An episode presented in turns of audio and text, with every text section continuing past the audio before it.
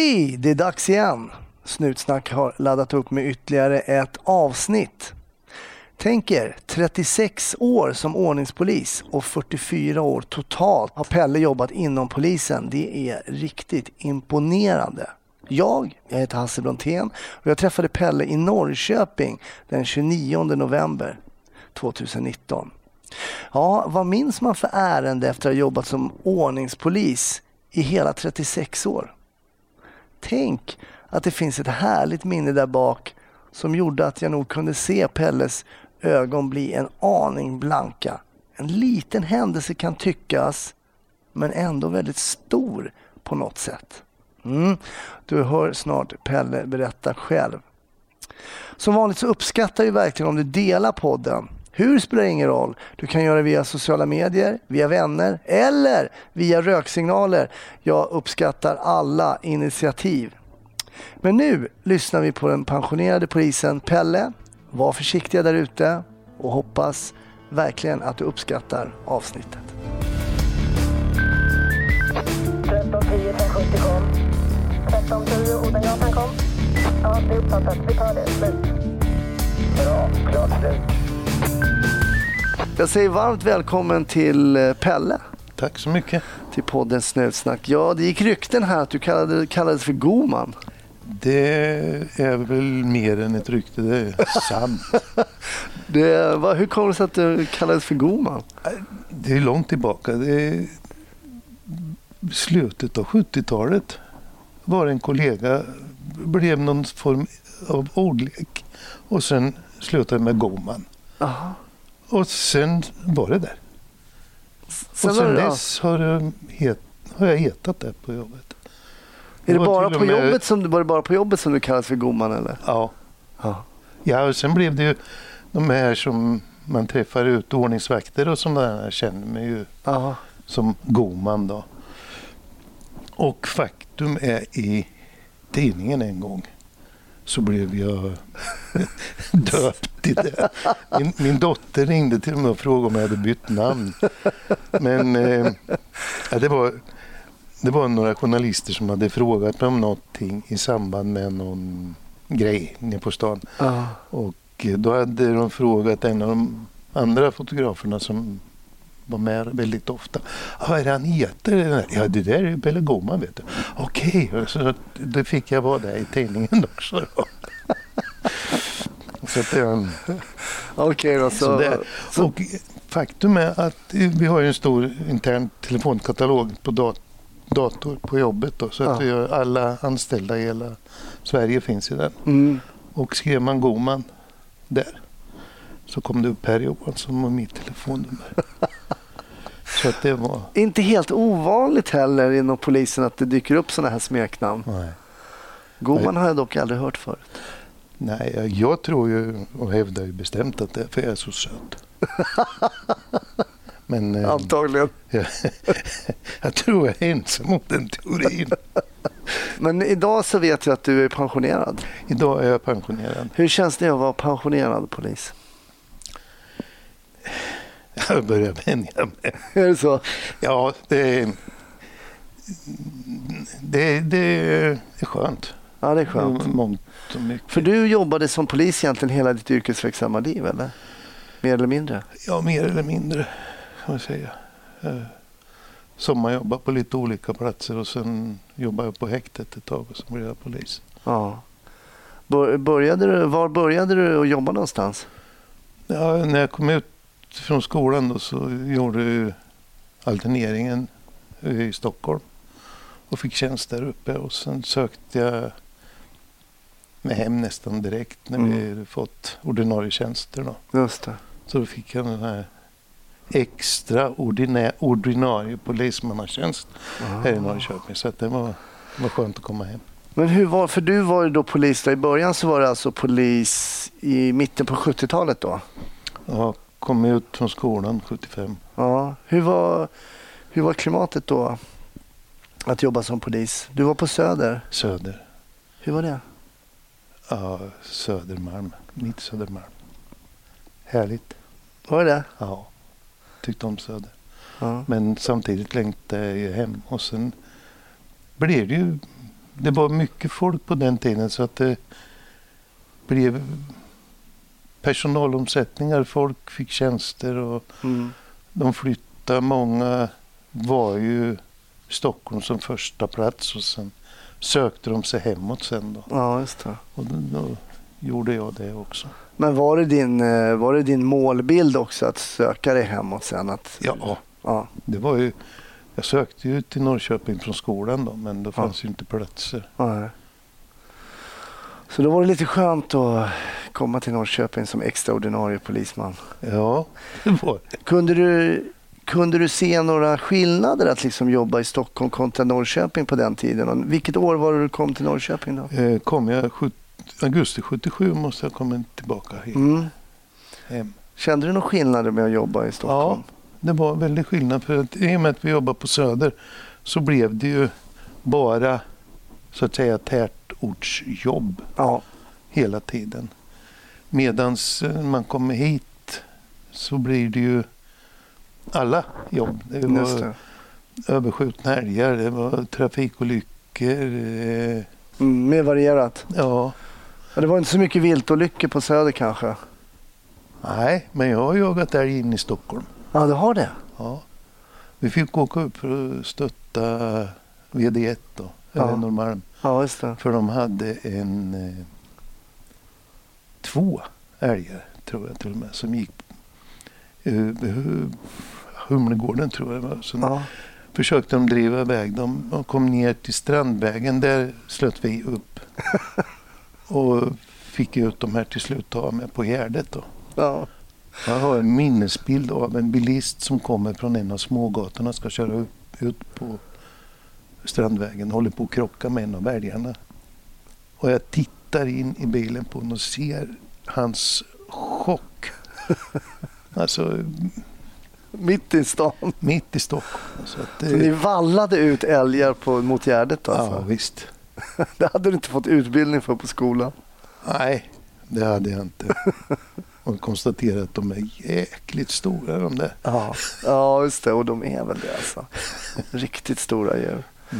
Men um, okej, så det, lite mer. Skulle, du, skulle man kunna tänka sig att man blir en mer kom, liksom i och med att spektrumet då är bredare i Norrköping blir man mer eh, allmänbildad som polis så att säga, inom yrket då, i en stad som Norrköping än att jobba inne på VD1 eller VD3?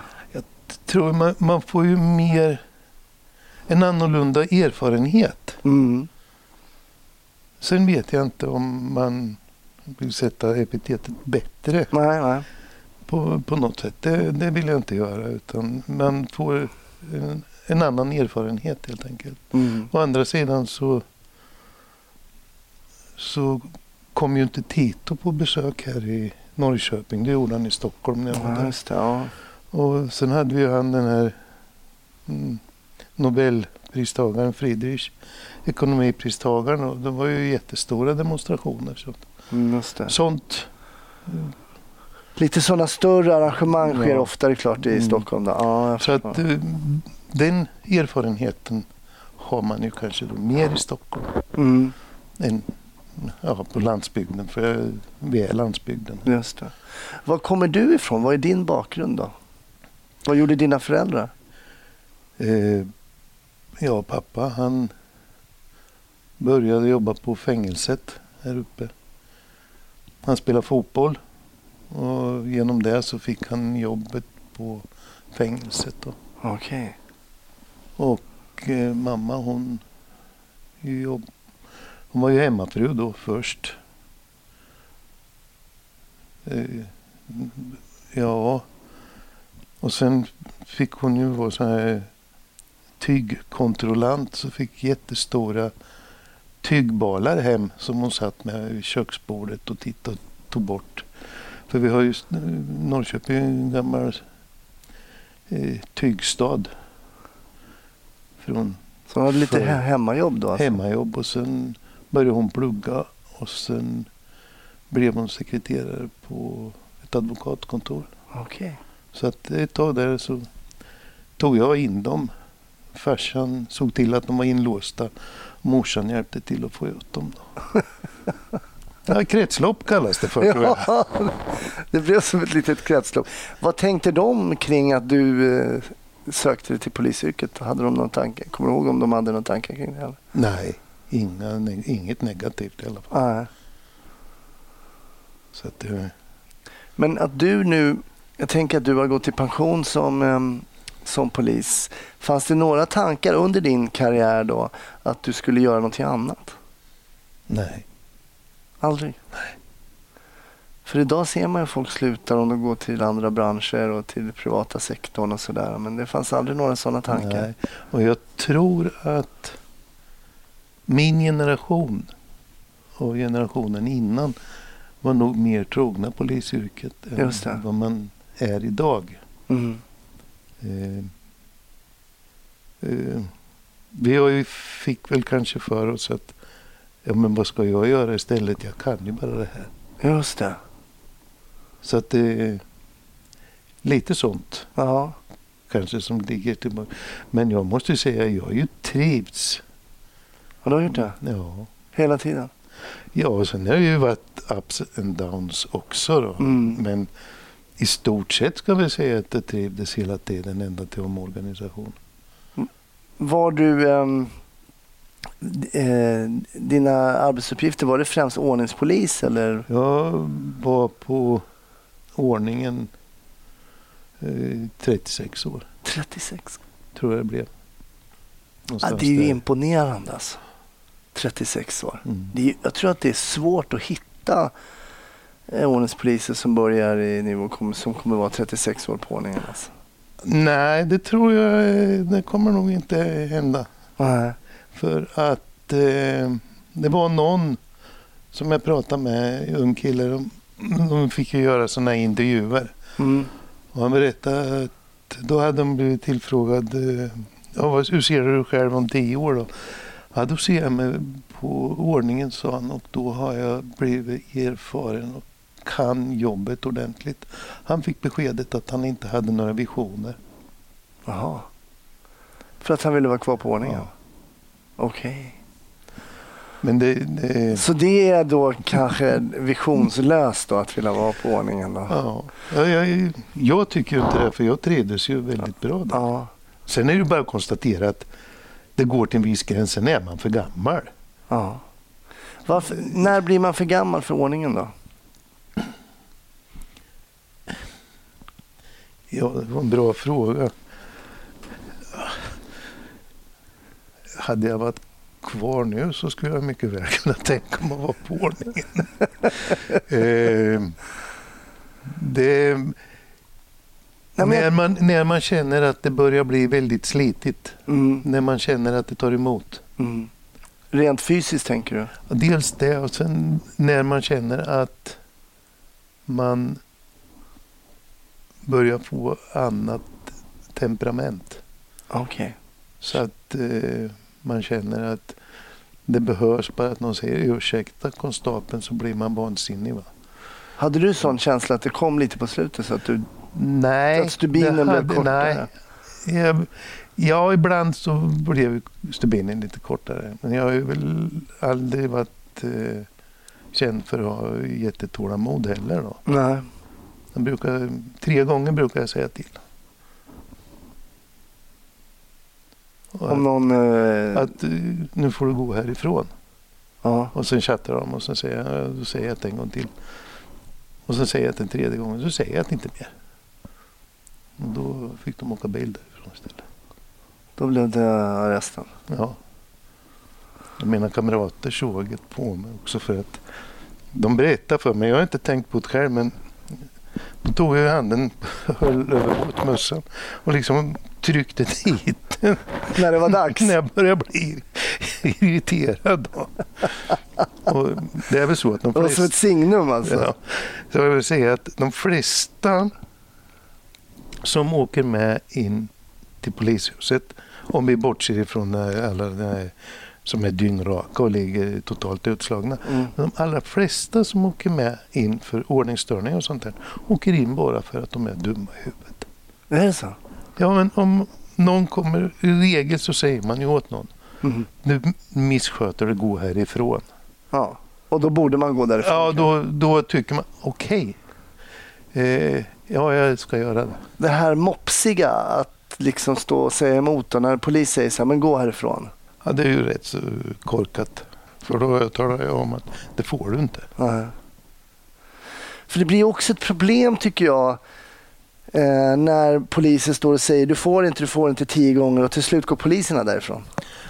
Ja, det ger ju fel, fel signaler. Mm. Det måste finnas, det är, ibland är det ju liksom nästan som med barn, att om man inte kan fullfölja sitt eh, citat och hot, till exempel att om du inte gör så här så kommer det bli så här. Och om då barnen eller de som är på stan vet att det blir ändå inte så, då behöver man ju... Då, så man kan ju, också, man kan ju heller inte som polis säga det att om du inte flyttar på dig kommer jag ta med dig och så tar man inte med den. Det går ju inte. Det går ju inte. Nej. Man måste ha lagstöd också. Eh, vad heter det? Kanske inte ni använder dem på er tid. jo, jo då, men, ja, men lagstöd finns det ju Ja. alltid. Och det är väldigt viktigt att okej, man kan tänja på gränserna. Mhm. Men man ska ju hela tiden se till att när man ser att nu är jag nära gränsen. Mm. Du tänker lagtekniskt i någon form av gråzon? Ja, liksom, eller? när man är i gråzonen, då måste jag börja tänka varför gör jag det här och hur ska jag förklara det? Mm. Det måste jag ha klart för mig redan från start. Var, du, eh, var du också bra på att avrapportera det du gjorde? Ja, jag varje gång jag varit i någon form av slagsmål eller något så skrev jag ju ner allt som hände. Ja. För det är ju dels för min säkerhet och dels för den här som nu jag har slagits med för hans del också. Så att Mm. han vet om att det här är, det är skrivet. Mm. Det här. Har du redovisat alla slag genom åren? Ja, jag tror det. Ja. Nästan alla. Ja. Och sen har jag ju inte alltid jag slagit för det är ju bara ont en kort stund. Om man tar då liksom någon, kopplar något sånt där eh, av RPS godkänt grepp Mm. och de fortfarande gör lite motstånd och gör det ondare lite längre tid. Om man nu ska titta på ett hämndperspektiv eller straffperspektiv. Det. lite det blir väl det här hämndtanken när man själv har blivit utsatt Mm. för något. Eller Mm. Mm. någon har blivit utsatt för något och man går in i dens ställe med den där hämndtanken. Så att det, det, jag tror det är ofrånkomligt att jag har nog också passerat gränsen för vad som är lagligt. Tror du att... Du säger det att när man liksom får den här hemtanken, är det att man går in i den, en annan persons tänk då till exempel om man griper någon som har gjort någonting jävligt dumt eller någonting, att man tar i lite extra då menar jag vid ett sånt tillfälle? Jag tror att det är rätt så vanligt och tämligen, mänsk tämligen mänskligt. Mm. Att det vi är inte robotar som jobbar. Nej. Tror, tror du att poliserna på 70-talet, 80-talet var mer bryska än vad de är idag?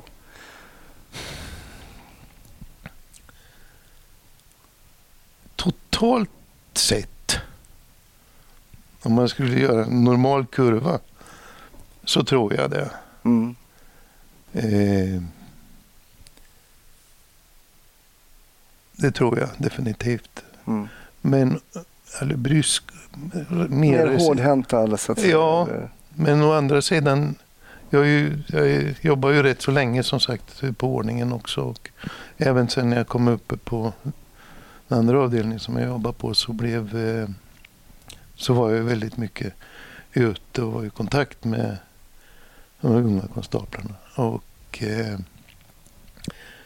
eh, väldigt många som inte tar ett steg tillbaka. Så att det fanns folk som backade på min tid också. Mm. Det finns folk som backar nu. Men backa, jag tänker, backa ska man inte göra när det är, när det är läge så att säga. Men jag tänker på det man, alltså det man helt enkelt kallar för övervåld. Det våldet som är förbi gråzonen som man inte egentligen, om du rapporterar så, ja, så kan det bli risk för att du blir av med våld, eller jobbet så att säga. Har du, har du sett sånt våld också så där du skulle kunna säga att då hade den personen blivit av med jobbet till exempel? Ja, det har ju förekommit. Mm. Det har det gjort. Å andra sidan på 70 och 80-talet, ja 70-talet i alla fall, så blev man ju inte av med jobbet. Jag vet ju folk som har varit suspenderade en månad Mm. för att de hade gjort någonting speciellt. Jag har ju själv varit misstänkt en gång. För... Eh, Miss, ringa misshandel heter det. ja. För att eh, man hade gjort ett ingripande. Eh, alltså, våld i nära relation. Mm. Och gubben eh, han blev dum. Skulle följa med in. Han skulle gripas helt enkelt. Mm. Och han vill, ville inte följa med in. Och börja slåss och fightas. Och skrev ner allt. eh, Knän i ryggen och distraktionsslag och handbojor på. Och allting nerskrivet. Mm. Och sen sa han, ja, han gav mig en örfil. Mm. Och Han sa att du hade gett honom en örfil och den fanns inte avrapporterad? nej, Mm. och jag hade inte gett någon heller. Nej. Och eh, den bestämde justitieombudsmannen att jag skulle åtalas för. Okej. Och blev åtalad. Och frikänd. Okej. Och tinget, tingsrätten eh, tog inte överhuvudtaget ställning till om det hade utdelats någon örfil eller inte. Aha. För hade det gjort det så var det, ja, det stod inte välförtjänt men man kunde i Men du, var, du, i sådana fall så var det en lagtekniskt sett en godkänd form av våldsanvändning Ja. i det sammanhanget? Ja. Okej. Och eh, sista dagen på eftermiddagen så faxade EU en överklagan. Ja. Så det togs upp i hovrätten också. Vad hände i hovrätten då? Ja, då hade han ändrat historien. Ja, det mis- den som hade Den- anmält det? Ja, just det. Han hade eh, ändrat det så att det var betydligt mycket tidigare på kvällen. När jag inte ens jobbade. Och sen ja, länsåklagaren som hade uppdrag, han var inte speciellt intresserad av att dra några större växlar på den där överklagan. Och sen, eh, ja, busen säger jag, ville fråga mig några frågor också så sa rådmannen nej. Vi är bara här för att se om tingsrätten har dömt rätt eller inte. Punkt. Så jag kände som jag hade tre försvarare där i hovrätten. Och du blev friad där Jag blev friad i hovrätten Just, också. just. Så att jag hör till de ännu icke dömda. Just det. Nej, för jösserna. Men jag har ju blivit dömd för vårdslöshet i trafik. Oj. I tjänsten? Ja, Vad gjorde du då? då? ja jag körde yttre kommissarien. Det var dumt. Ja. Nej, sen, vi Var åker, det i Stockholm då? I? Stockholm. Vi åker Ringvägen tror jag det heter. Sen, det här badet som ligger vid... eh, Ja, Eriksdalsbadet? Ja, just det. Mm. På den sidan är det några kollegor som håller på att brottas med en. Då. Och jag kör och sen tittar jag över och ser, behöver de hjälp? Och sen tittar jag framåt och ser trafikljuset slå om.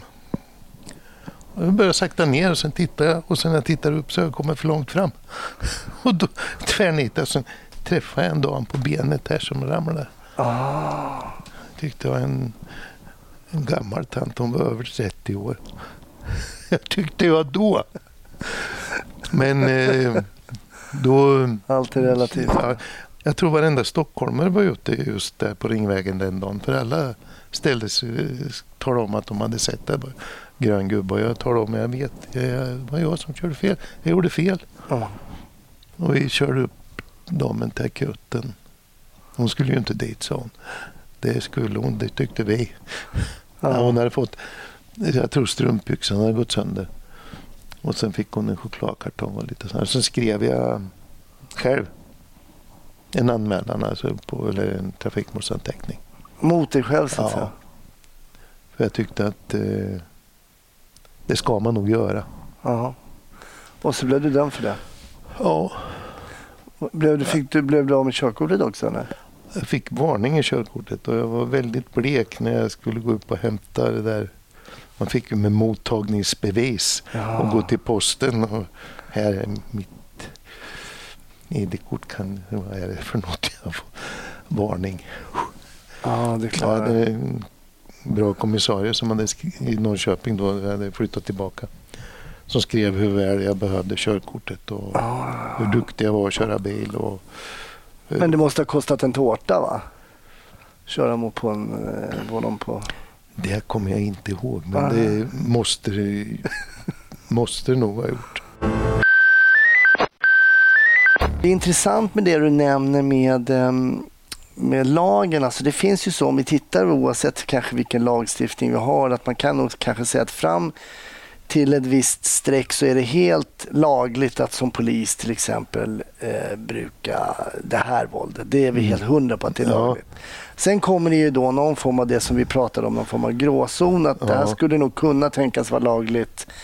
Men sen kommer det ju också ett stycke, streck längre fram där så att efter det här är det ju helt olagligt. Ja, Och det är den där gråzonen som och det gäller inte bara våldsanvändning utan det gäller till exempel att kanske titta i någons ficka, rätten att eh, visitera någon. Där finns det också det som är en gråzon och det som är... Och då gäller ju det som polis att kunna lagstiftningen och veta hur man ska liksom avrapportera det man har gjort och sådär. ja, det gör det. Och faktum på polisskolan så sa min lärare i straffrätt åt mig något väldigt, väldigt vackert. Vad sa han? Du läser lagen som fan läser Bibeln. Okej. Vad finns det något annat sätt? Just det, att vara väldigt strikt liksom och läsa den. Jag vet, eh, jag hade sett handbojor på en, en bärgare här i stan. eh, Många, många år sedan och det var när det var lite strul däremellan. Och det Mm. blev lite strul på en trafikolycka så jag bojade upp den. Och han anmälde det och jag blev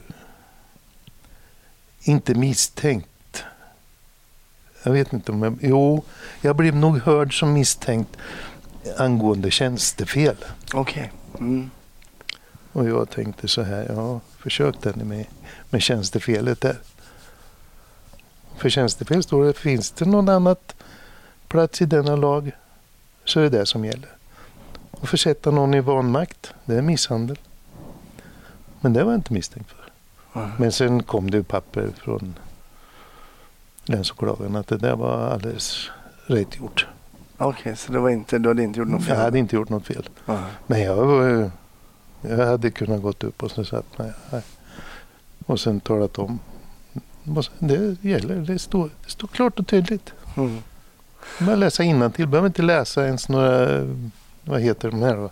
Uh, förarbete? Förarbeten och sånt. Ja, det står klart och tydligt. Ja. Har du någon gång när du tänker tillbaks ångrat ditt yrkesval? Nej. Har du inte gjort det? Nej. Så om du ser tillbaks på dina alla de åren, hur många år blev du an- var du anställd inom, som polis då? För du blev anställd redan när du började skolan då? Ja, 74. Fyra, Jag tror att det var 44 år. jag var. 44 år. Om du tittar tillbaks på de 44 åren, känns det som liksom tummen upp? Eller hur, hur, hur skulle du beskriva ditt yrkesverksamma liv om du berättar för dina barnbarn? Eller sådär? Jag har haft ett bra jobb. Mm.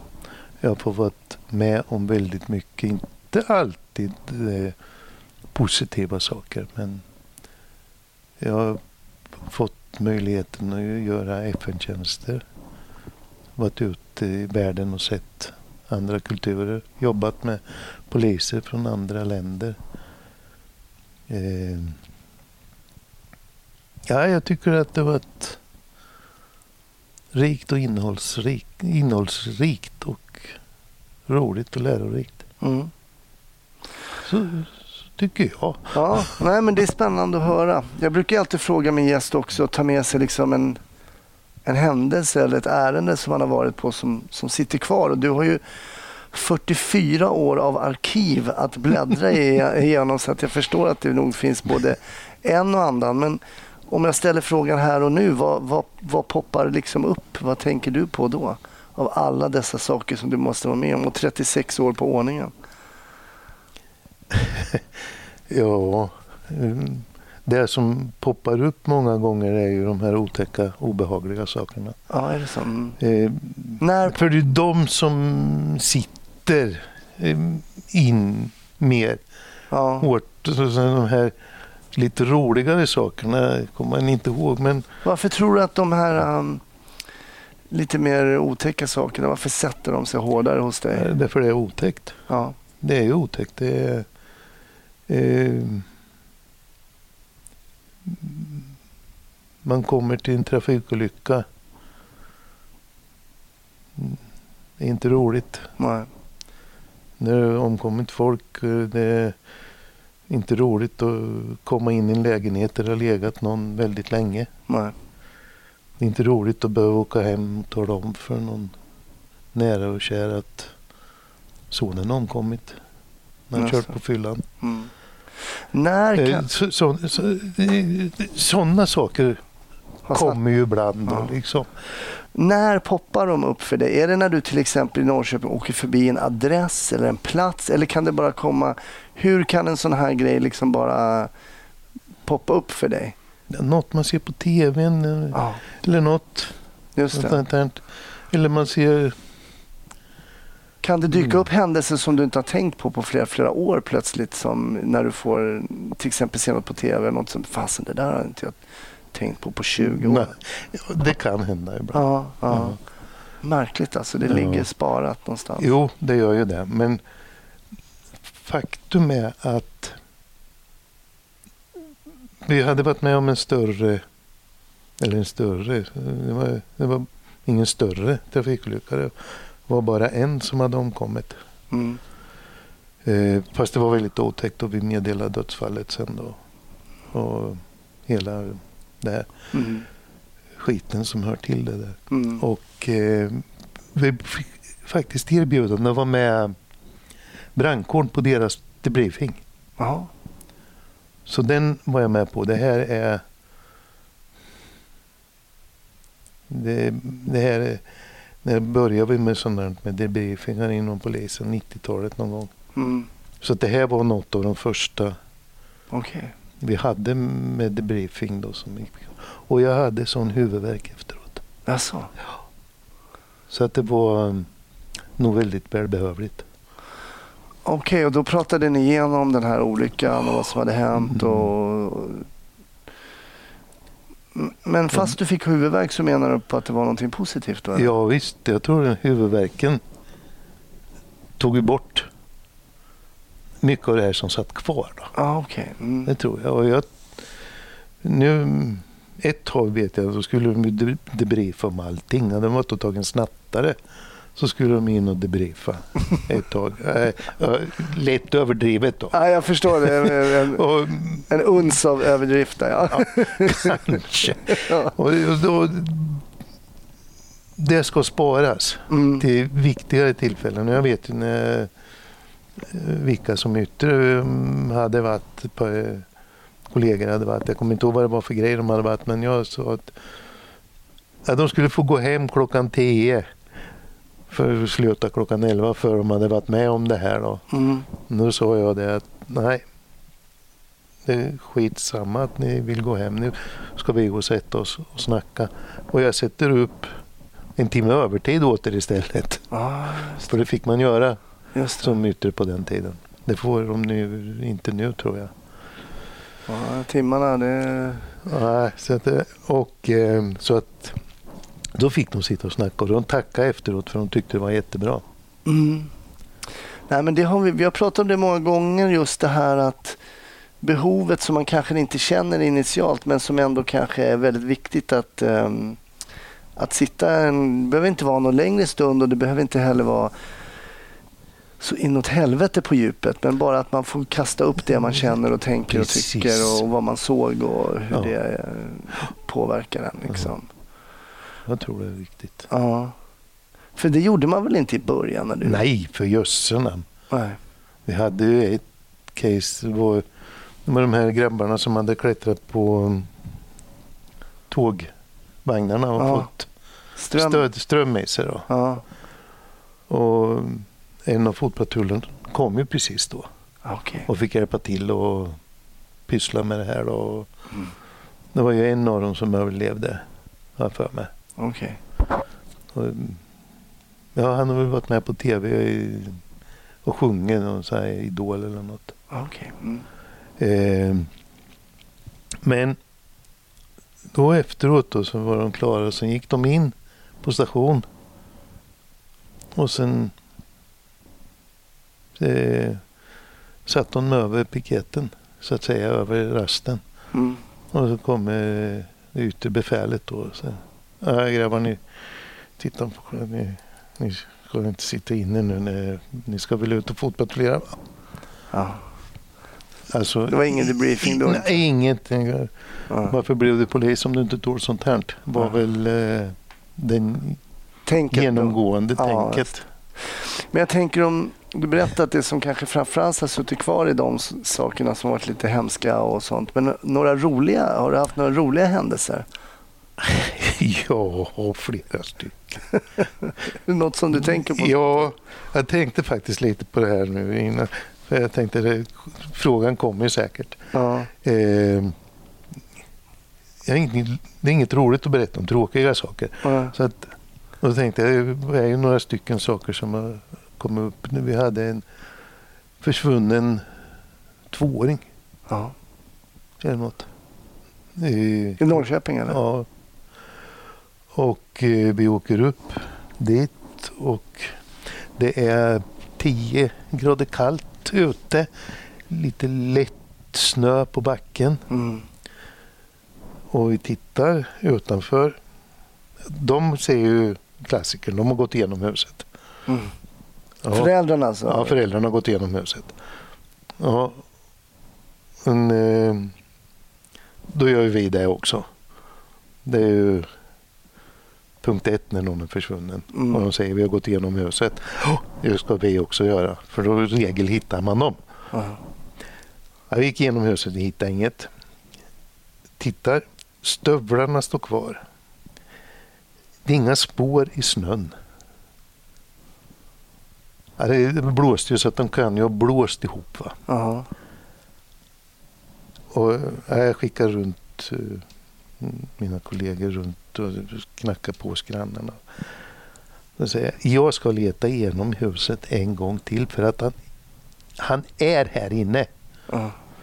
Och överallt. Och sen hittade jag en garderob lite halvöppen och det har jag tittat i förut. Och det tittar jag i och det, det är ju inget. Det står en, en tvättkorg med tvätt, varm tvätt från eh, torktumlaren. Mm. Jag tänkte fan och sen började jag leta. Där. Ja, där ligger grabben och sover så gott.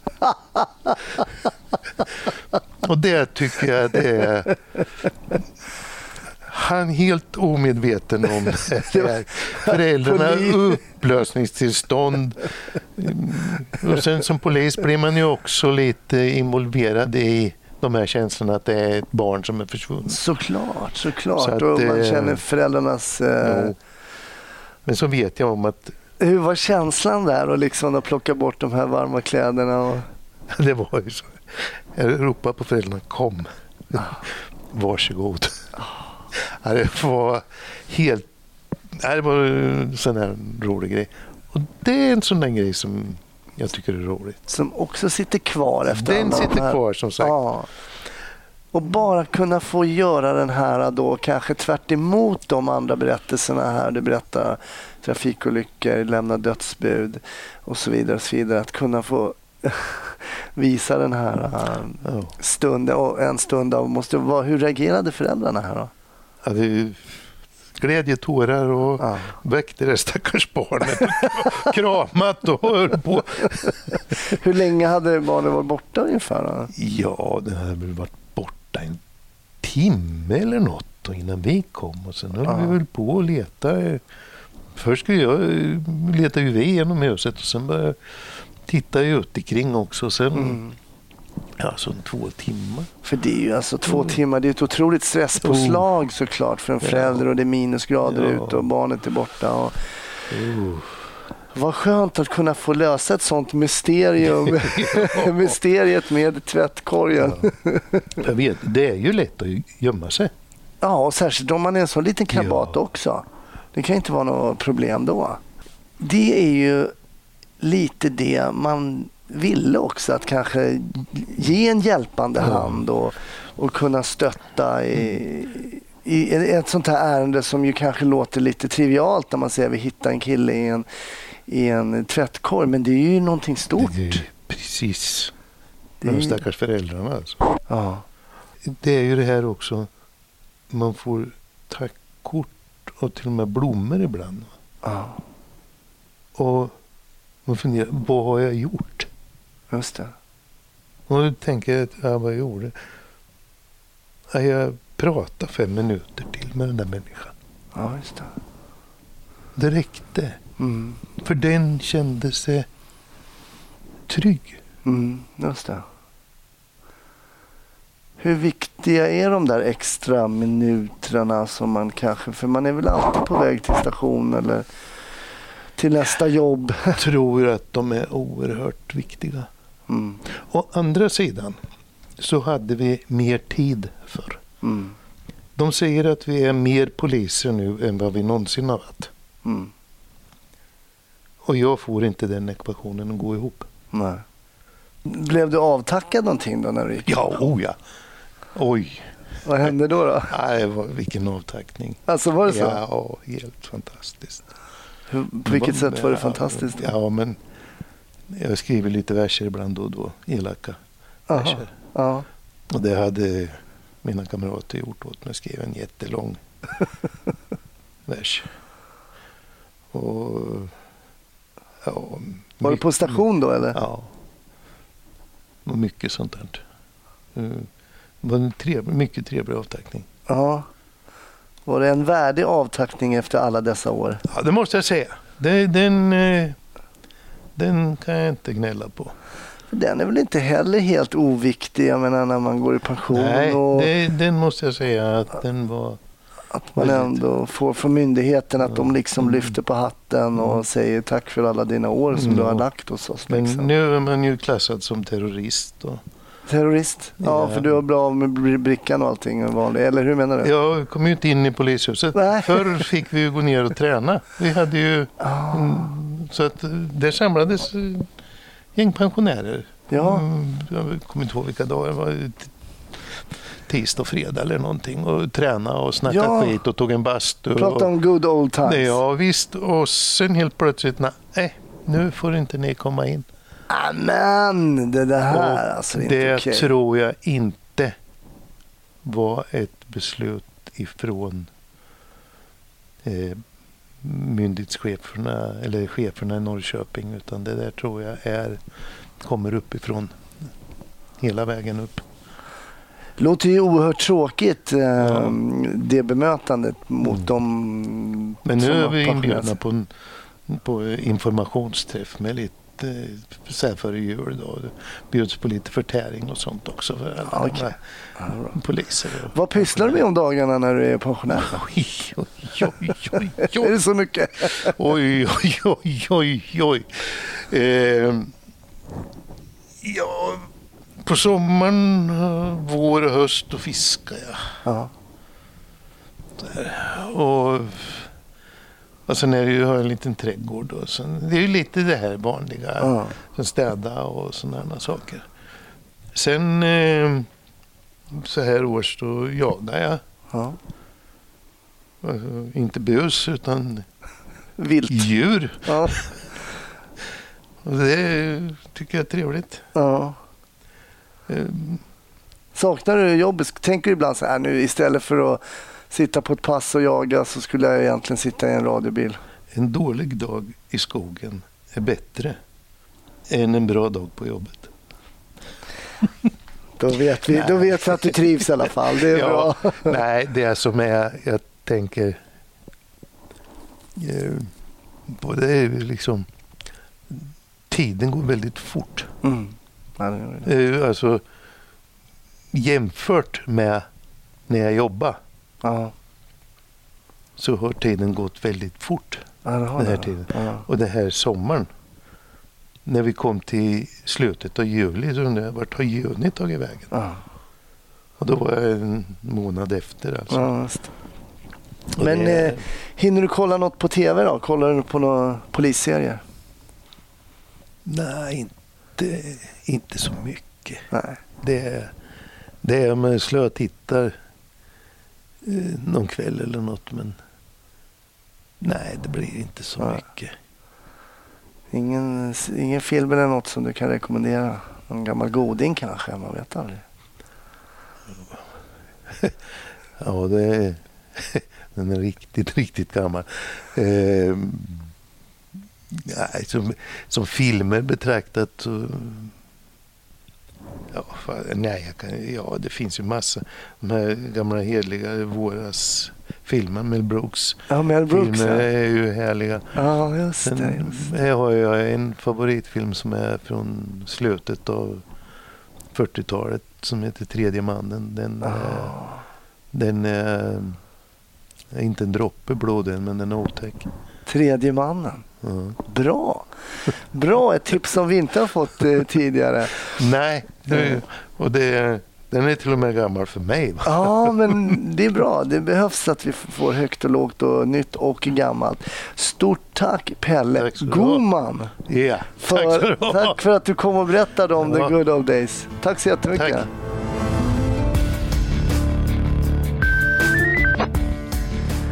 Tack så jättemycket. Det var Pelles historia, nu pensionerad polis. Hoppas att du lyssnar nästa vecka också. Då har vi ytterligare ett intressant avsnitt, det lovar jag. Vi hörs då. Ha det fint. Hej då.